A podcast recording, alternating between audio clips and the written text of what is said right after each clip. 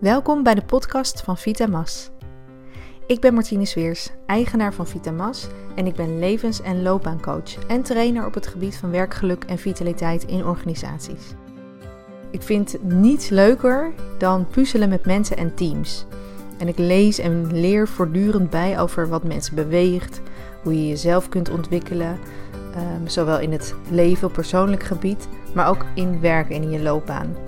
En in deze podcast neem ik je graag mee in mijn speurtocht naar al die dingen. En ik deel van alles over leven, loopbaan, maar nog veel meer. Alles voor een mooi leven in deze Mooi Leven podcast. Veel luisterplezier. Podcast 33. Wat we niet willen zien.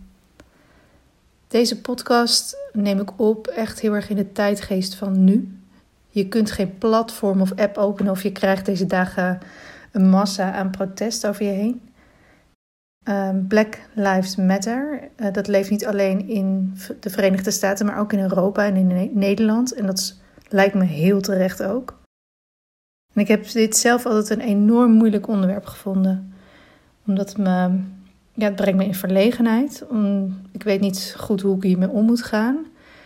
Maar ook omdat het mij natuurlijk niet direct raakt. Eerlijk is eerlijk, ik ben wit en dus onderdeel van die privileges van witte mensen op de wereld. Hoe oneerlijk dat ook is en hoezeer ik het daar ook echt mee oneens ben, het is een feit. En het, is een feit dat ik eigenlijk liever niet onder ogen wil komen. Juist ook omdat ik niet goed weet wat en hoe ik dat moet veranderen. En omdat ik altijd voel dat ik het niet goed kan doen. Het is zo'n gevoelig, heel gevoelig onderwerp.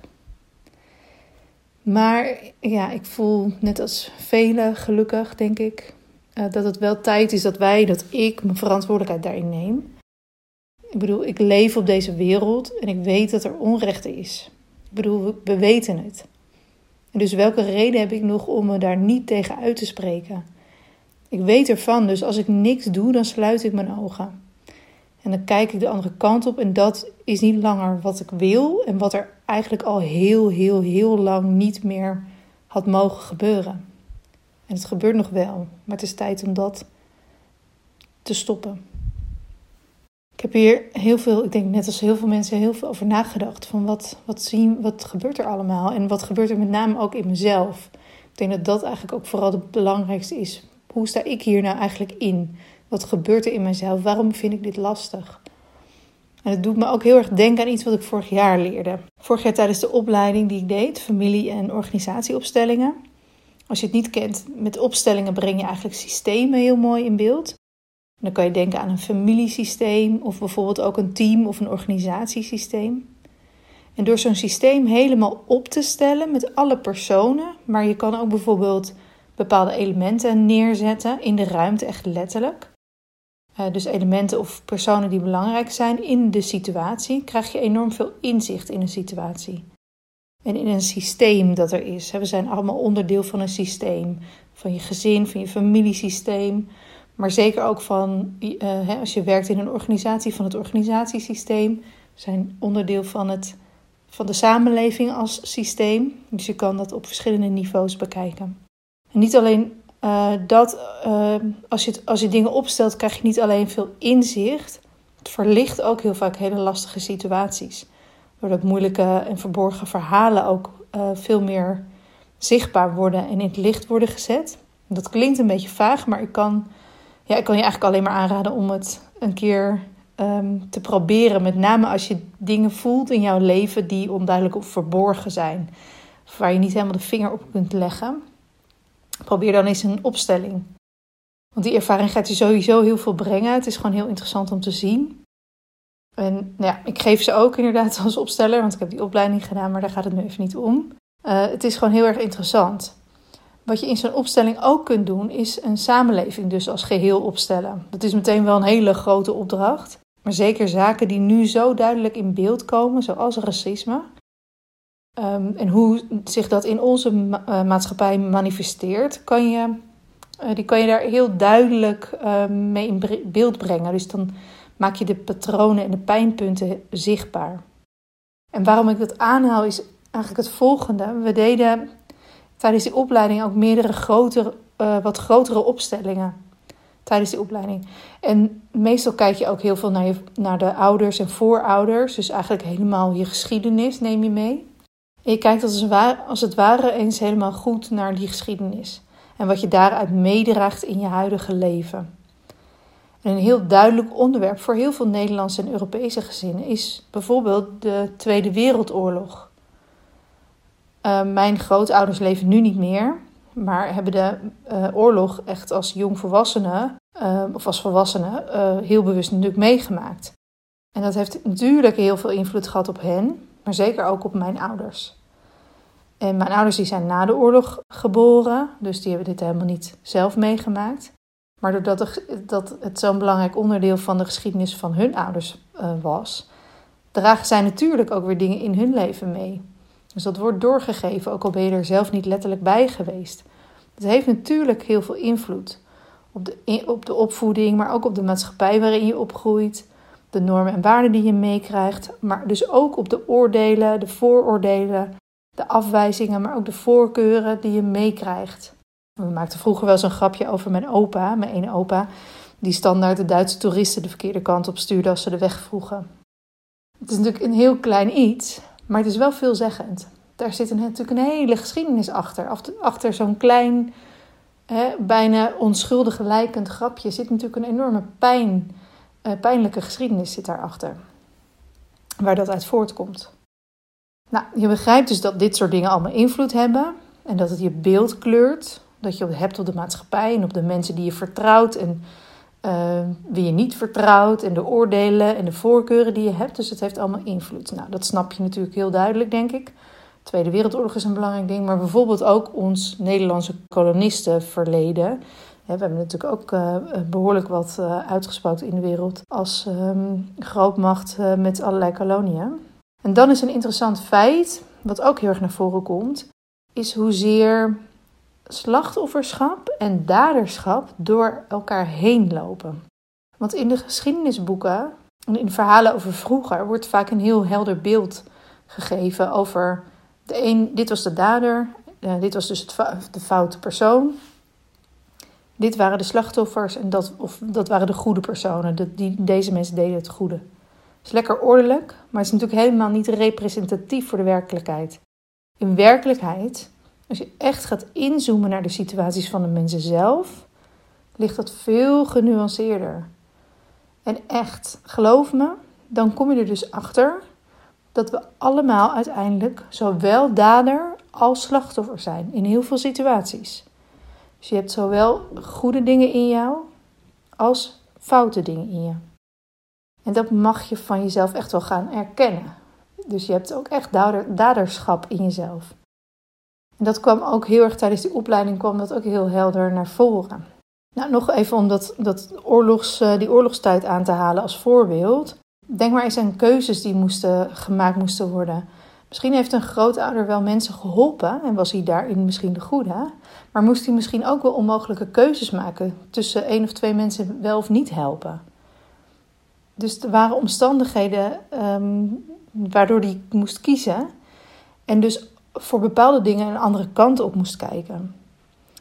dingen als honger overleven, opkomen voor je familie, opkomen voor jezelf. Uh, zekerheid over uh, dat je overleeft. Dat maakt natuurlijk dat je dingen uh, zou doen die je anders nooit zou doen. En daarmee ben je natuurlijk ook slachtoffer, maar niet alleen maar.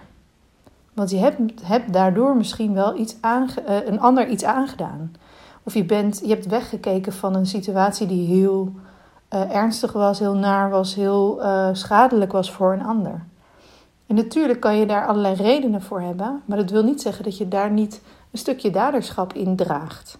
Dan ben je, misschien wel tegelijkertijd een stukje slachtoffer als dader. Dus je kan goed en fout tegelijk zijn. En dat is natuurlijk de nuance die in de, in de verhalen en in de geschiedenisboeken veel minder misschien wel naar voren komt, maar die wel de realiteit is van mensen. En dat is natuurlijk veel, in zo'n oorlogssituatie is dat heel duidelijk, veel, veel duidelijker um, ja, zichtbaar te maken. Maar het is natuurlijk ook, het is natuurlijk in het dagelijks leven net zo goed waar. Alleen is dat dan soms wat subtieler, of eigenlijk veel subtieler. En zit je er zelf veel te dicht op om dat echt goed te doorzien, heel vaak. En dat stuk vind ik dus ook heel erg interessant in het gegeven in de discussie rond racisme. Uh, bijvoorbeeld, ik, ik ben geen racist. Ik zie mezelf niet als dader van racisme. Tegelijkertijd merk ik dat ik het onderwerp liever vermijd. Maar kijk ik daarmee niet de andere kant op? En ontken ik dus eigenlijk datgene wat voor veel mensen dagelijkse realiteit is en heel veel pijn en onmacht brengt. En zolang ik niet acteer en mijn ogen sluit, ben ik dus niet vrij van schuld. Om het maar even in die term te vatten. Zeker zolang ik echt wel weet, en laten we eerlijk zijn, we weten dat dit aan de hand is, uh, dan is het ontkennen, het niet doen, het wegkijken is schadelijk. En daarmee ben ik misschien geen racist, actief racist, of nou ja, ik weet niet zo goed hoe je dat moet noemen, maar ik draag dus wel degelijk bij aan het probleem. En daardoor heb ik daderschap in mij. Dus ook al vind ik het nog zo moeilijk om dat toe te geven en onder ogen te zien, want racisme gaat enorm tegen mijn kernwaarden in. En ik kan me niet voorstellen dat ik daar dus uh, een bijdrage aan lever. Maar toch is dat wat ik onder ogen moet komen. Dat ik in racisme ook zeker daderschap in mij heb. En velen met mij. En velen met mij die dit veel meer onder ogen mogen komen. Nou ja, ik heb, ja, ik heb, je zou misschien willen dat ik een oplossing heb, maar die heb ik niet. Nou ja, misschien, uh, misschien wel in stappen die we kunnen zetten. Ja, wat ik bij mezelf, uh, wat ik mezelf nu heb beloofd om aan te gaan en om, om als stap te zetten, is door al het ongemak wat ik voel en de schaamte, um, toch onder ogen te komen dat ik ook hier echt een aandeel in heb. Dat ik me bewust ben van een maatschappij waarin mensen met een witte huidskleur voordelen ondervinden, waardoor anderen worden achtergesteld. En dat ik accepteer dat ik hierin fouten ga maken, dat ik ga leren om fout, al fouten makend door dat ongemak en door die schaamte heen het beter te proberen te doen. En dat ik mezelf uh, meer informeer, dat ik zorg dat ik niet meer wegkijk, dat ik erken waar het nog niet goed gaat bij mezelf en ook om me heen. Dat is denk ik een stap die, uh, die ik in ieder geval kan zetten. Wat ik lastig vind bijvoorbeeld is hoe doe ik dat als vrienden om mij heen uh, dingen uh, uitspreken waar, ja, waar ik al heel anders tegenaan kijk. Dat weet ik gewoon nog niet zo goed hoe ik dat moet doen, want dat vind ik altijd een hele lastige situatie. Het erkennen en het aangaan dat anderen uh, zelfs misschien wel echt racistische ideeën hebben, ook in mijn eigen cirkel. dat dat aanwezig is en dat ik daartegen in moet gaan. Of in ieder geval dat ik mijn perspectief en inzichten actief deel. En dat ik niet uh, stil blijf. Wat ik, waar ik wel altijd een neiging toe heb. Omdat ik zelf. Ik, ja, ik hou helemaal niet van confrontatie. Hè, gewoon als persoon niet. Dus ik vermijd dat heel erg uh, graag. Um, maar ja, daarmee kijk ik dus weer weg. En dat is niet meer wat ik eigenlijk wil doen. Dus ook als ik weet dat het heel veel weerstand op gaat leveren. En dat, dat ik allerlei boosheid misschien wel naar mij toe krijg wat ik heel lastig vind, moet ik voor mezelf dus een modus vinden om hiermee om te gaan en om hier toch actief uh, een boodschap in uit te dragen. En ja, om mezelf ook echt uh, vast te pinnen op dat wegkijken geen optie meer is. Dus dat is mijn, een van mijn uitdagingen, denk ik, hierin. Maar ook iets simpels, zoals kritisch kijken naar mijn eigen posts op social media. Eigenlijk realiseerde ik me deze week pas hoe uh, mijn afbeeldingen super wit zijn heb ik nooit bij stilgestaan. En het is ook totaal niet wat ik wil uitstralen of wat representatief is voor mijn coachklanten. Totaal echt niet. Ik heb wel een specifieke doelgroep en dat zijn vrouwen in een bepaalde leeftijdscategorie. Maar uh, welke afkomst, geschiedenis of wat dan ook, daar heb ik absoluut geen voorkeur in. Alleen dat zie je helemaal niet goed terug in mijn tijdlijn bleek. Nou, ik heb daar dus helemaal niet goed bij stilgestaan. Mijn tijdlijn zag er heel wit uit. Dus daar kan ik ook gewoon iets aan doen. En dat zijn natuurlijk hele, misschien wel bijna onbenullige dingen, maar toch is, is het onderdeel, denk ik, van bewustwording bij mezelf in ieder geval. Van wat draag ik uit? Welke wereld wil ik zien? En welke wereld wil ik laten zien? Dus dat soort dingen, grotere en kleinere stappen proberen te zetten, dat is in ieder geval iets. En vooral, ik denk dat het allerbelangrijkste misschien wel is het blijven leren, veel te lezen, veel te luisteren. Zo leer ik deze week bijvoorbeeld ook dat blank een onprettige term is, waar ik ook eigenlijk nooit bij stil heb gestaan. Maar blank is een referentie naar het kolonistenverleden, ook van, uh, waar Nederland echt natuurlijk een heel groot aandeel in heeft gehad. En blank stond dan voor rein en zuiver en werd tegenover alle andere rassen neergezet als superieur. En die associatie, die, ja, die willen we, wil ik niet meer um, inzetten. Dus als we het over kleuren hebben, gebruik ik voortaan wit en zwart. En er zijn natuurlijk heel veel kleuren tussenin als je kijkt naar het uiterlijk van mensen. Maar als, zolang ik weet dat blank een onprettige associatie geeft, dan is dat dus niet meer de term die passend is vandaag de dag. Dus dan wijzig ik dat. En dan doe ik mijn best om dat ook zo goed mogelijk anders te doen. Nou, ongetwijfeld kan het altijd veel meer, veel beter. Maar het belangrijkste is dat wegkijken in ieder geval geen optie meer is. En ik hoop natuurlijk dat iedereen meedoet en dat we elkaar helpen om beter, beter hierin te worden, uh, samen met z'n allen. Uiteindelijk denk ik dat, nou ja, dat iedereen daar gelukkiger van wordt. En dat is nu precies natuurlijk mijn hobby als uh, levens- en loopbaancoach. Om weer even terug te gaan naar mijn podcast. Normaal, dit is natuurlijk een beetje een uitzonderlijke misschien wel. En misschien ook wel niet. Het gaat altijd over persoonlijke ontwikkeling. En dit is daar ja, ook echt wel vandaag de dag onderdeel van, denk ik. Nou ja, dit was uh, wat ik eigenlijk heel graag kwijt wilde over dit onderwerp. En wat ik ook wel lastig vond. Juist, nou ja, zoals ik al zei, omdat het gevoelig is en omdat ik ook zeker weet dat ik domme fouten maak hierin. En dat doe ik natuurlijk niet, net zoals de meeste mensen, houden we niet zo heel erg van fouten maken. Maar dat is altijd nog beter dan. je kan het altijd maar beter gewoon proberen en struikelend beter worden dan niks doen. Niks doen is gewoon geen optie meer. Dus dat wilde ik eigenlijk heel graag delen. dan ben ik tot slot heel erg benieuwd als je bij jezelf eens nagaat. Waar ben je eigenlijk dader in? Durf je dat van jezelf eens te onderzoeken? Misschien maakt dit onderwerp jou ook wel ongemakkelijk, of misschien wel niet, dat hoop ik. Maar uh, nou ja, mij maakt het nog steeds wel een beetje ongemakkelijk, dus ik snap dat. Misschien kan je die dadervraag eens onderzoeken. Misschien om te starten voor een ander onderwerp hoor, voor jezelf. Maar gewoon eens te kijken van, hé, hey, waar ben ik eigenlijk dader in? Maar ik roep je juist ook op om het onderwerp van racisme eens in de ogen aan te kijken. Hoe moeilijk en ongemakkelijk dat ook kan zijn. Het leren aankijken van dat wat moeilijk is, dat gaat helpen om de beweging eindelijk nu eens de juiste kant op te laten gaan. Ik bedoel, waar, waar sta jij bijvoorbeeld met betrekking tot racisme? Denk bijvoorbeeld aan de Sinterklaas en Pieten discussie. Als je heel eerlijk durft te kijken, waar ben jij dader in? En misschien voel je je ergens ook wel slachtoffer in. En ben je dan, als je heel eerlijk bent, helemaal 100% slachtoffer? Misschien wel, dat kan. Of zit er ook een stukje daderkant in je? Durf dat onderzoek eens met jezelf aan te gaan. En je hoeft daar niks over te delen, maar ja, het helpt heel erg als je dat durft te erkennen. Het kost je ook veel energie om het weg te duwen. En ja, waarom zou je het niet durven aankijken? Je leert ervan. Je wordt er uiteindelijk een beter mens van, denk ik. Nou, dat was het voor deze podcast. Het is een beetje een themaweek geworden, wat ook goed is, denk ik. Ik hoop dat we van elkaar leren en elkaar helpen om beter te worden. En ik wens je een mooie week. Tot snel.